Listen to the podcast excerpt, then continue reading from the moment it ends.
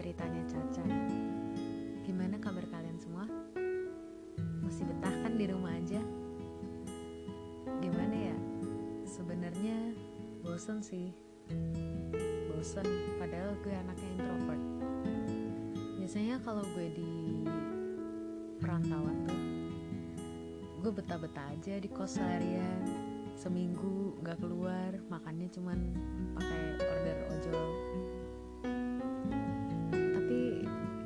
rasanya beda aja gitu ketika kalian keluar rumah atau keluar kosan terus lihat jalanan sepi. Yang tadinya nih Jakarta macet, Bekasi macet bahkan tempat gue di perantauan sana juga lumayan rame. Terus tiba-tiba sepi dong. Kayak jam 6 sore tuh udah pada tutup toko-tokonya.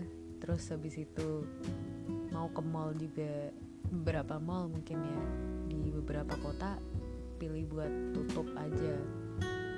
Tapi gue denger di kota lain nih di luar tempat tinggal gue sekarang masih ada beberapa mall yang nekat buka.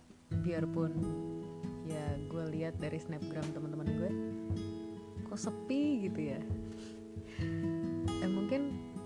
juga pada takut lah. Namanya juga virus ini kan bukan virus yang main-main. Semua penyakit tuh gak ada yang main-main sih sebenarnya. Cuman kalau untuk pandemik ini karena udah mulai wabah ya jatuhnya penularannya tuh lebih cepat. Jadi mau nggak mau kita harus pinter-pinter buat kalaupun keluar rumah pinter-pinter lah buat jaga diri. Cuci tangan jangan jorok. Terus habis itu pakai masker. Kemarin kan sempet tuh ya uh, pemerintah bilang masker cuma diperuntukkan untuk yang sakit. Sampai akhirnya berdasarkan anjuran WHO akhirnya kita semua disuruh pakai masker kalau keluar rumah. Ya biarpun maskernya masker kain kalau yang sakit baru pakai masker yang medis tahu gue begitu sih. Uh, cuman nih ngomong-ngomong pakai masker mungkin beberapa orang di Indonesia tuh belum terbiasa untuk pakai masker yang lama gitu.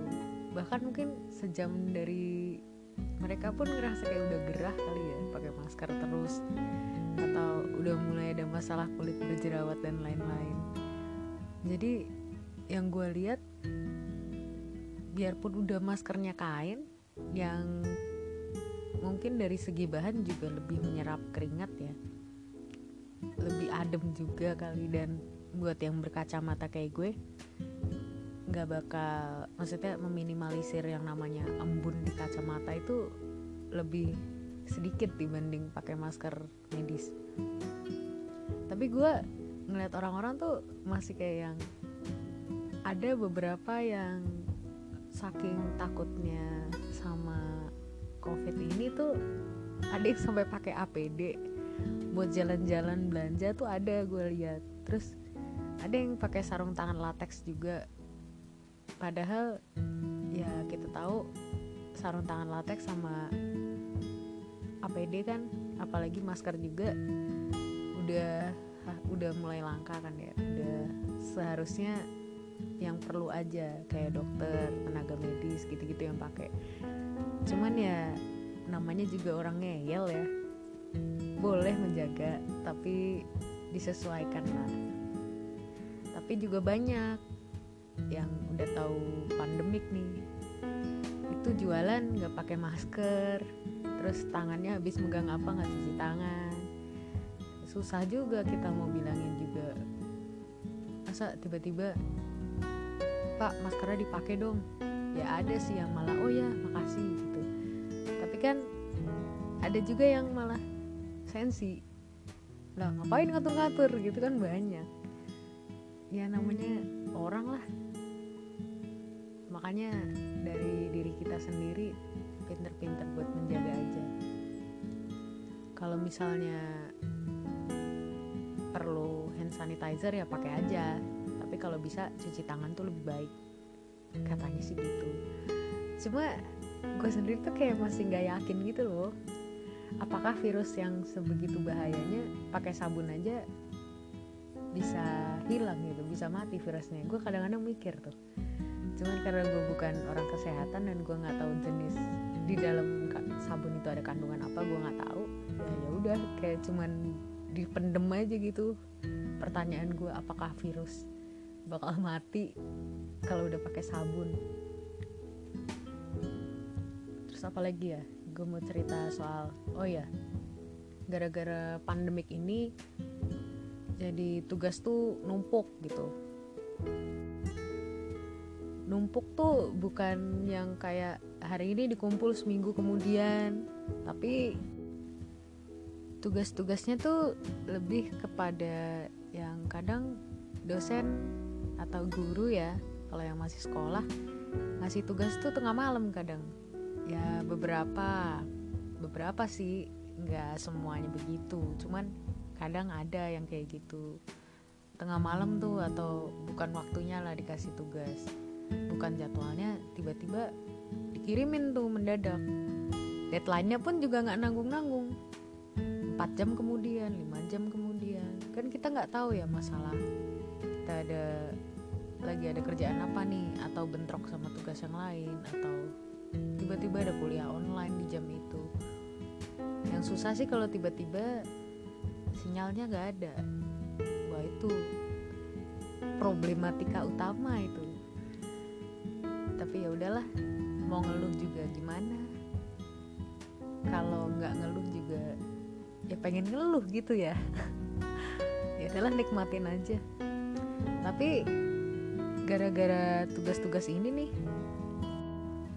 tapi gara-gara tugas ini tuh ngerasa kalau gue sendiri ya gue jadi lebih terbiasa untuk ya udahlah makalah itu adalah cemilan sehari-hari. Terus kayak analisis tuh karena gue kuliahnya basicnya hukum kan jadi nggak nganalisis mulu. Itu jadi kayak ya udahlah terima aja yang tadinya kayak aduh males banget gitu. Mana sistemnya gue kan banyak kan ditulis tangan terus baru di scan. Itu kayak menurut gue kenapa tidak diketik saja? gitu. Awalnya gue mikir gitu kan. Cuman ya udahlah lama-lama seneng gitu malahan kalau ngerjain tugas. Nggak tahu ya kelainan kayaknya gue terus abis ini gue bakal cerita tentang yang menjadi yang bikin resah masyarakat lah. Gara-gara jadi banyak banget kejahatan-kejahatan di lingkungan sekitar.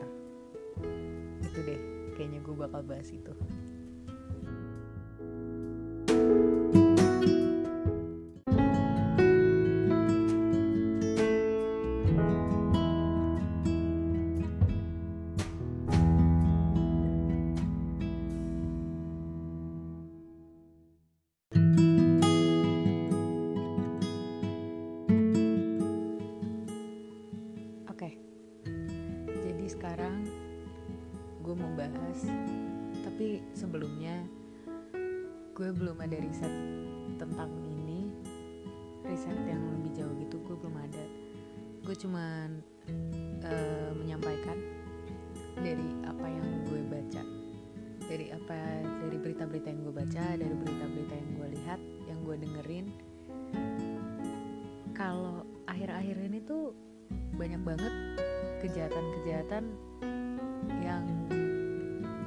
terjadi gitu dari mulai maling terus begal terus banyak deh ya pokoknya.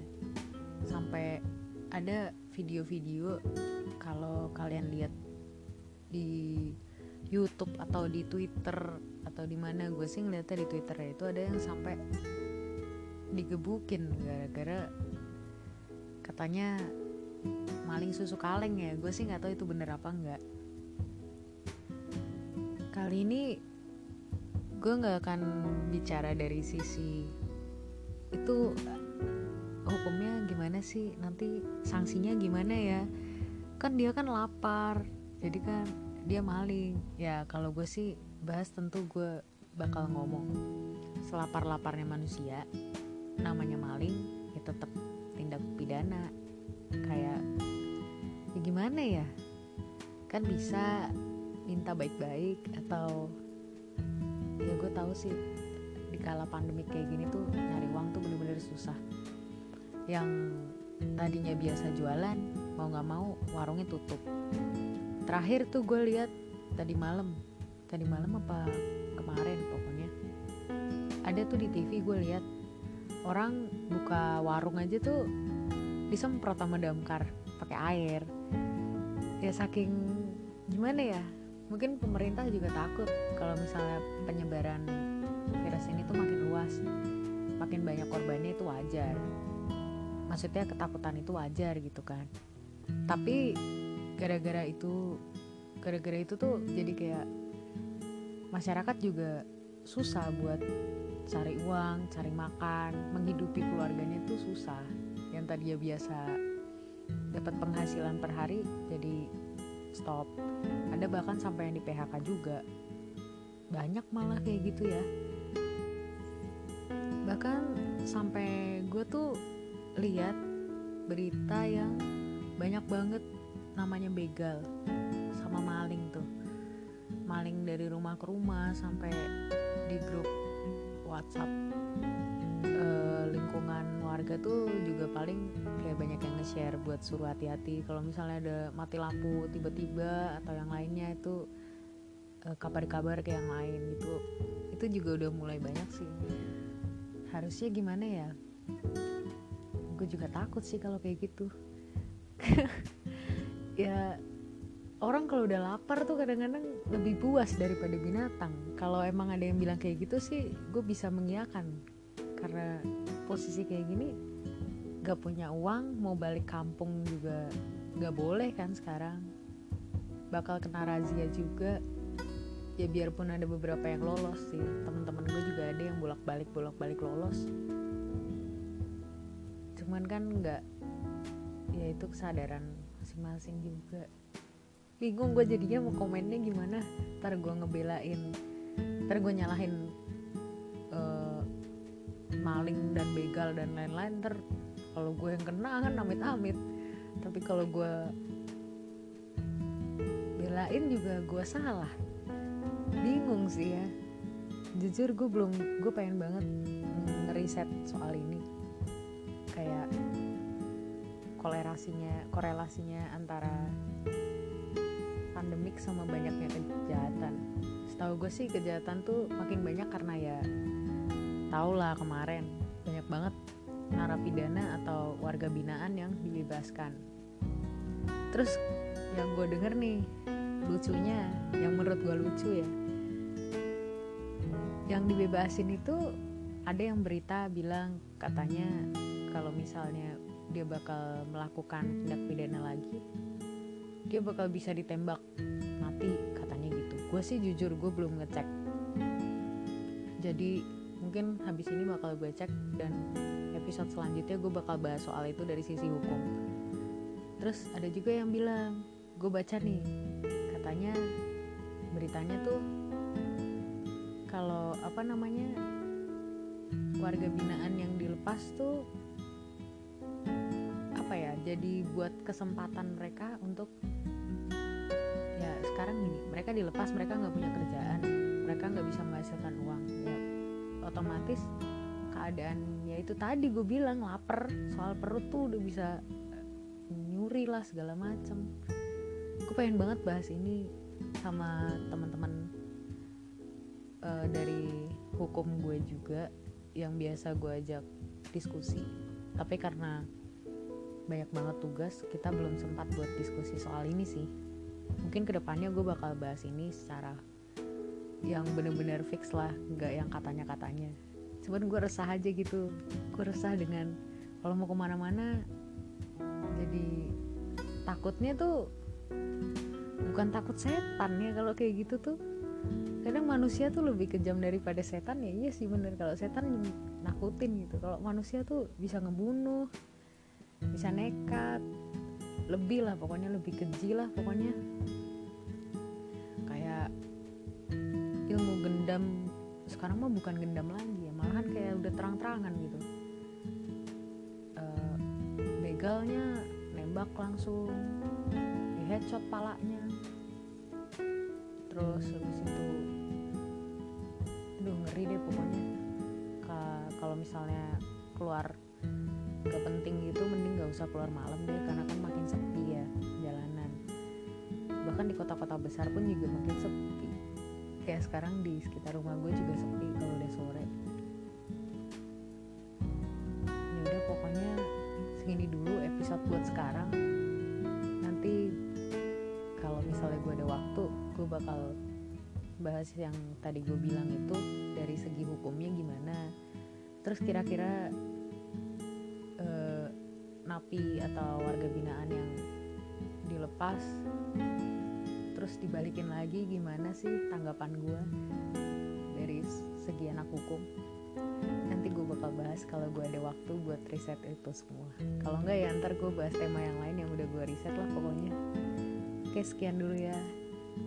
Jangan lupa minum vitamin makan yang bergizi sehat-sehat pokoknya. Dadah. Terima kasih sudah mendengar terima kasih sudah mendengarkan. Bye thank you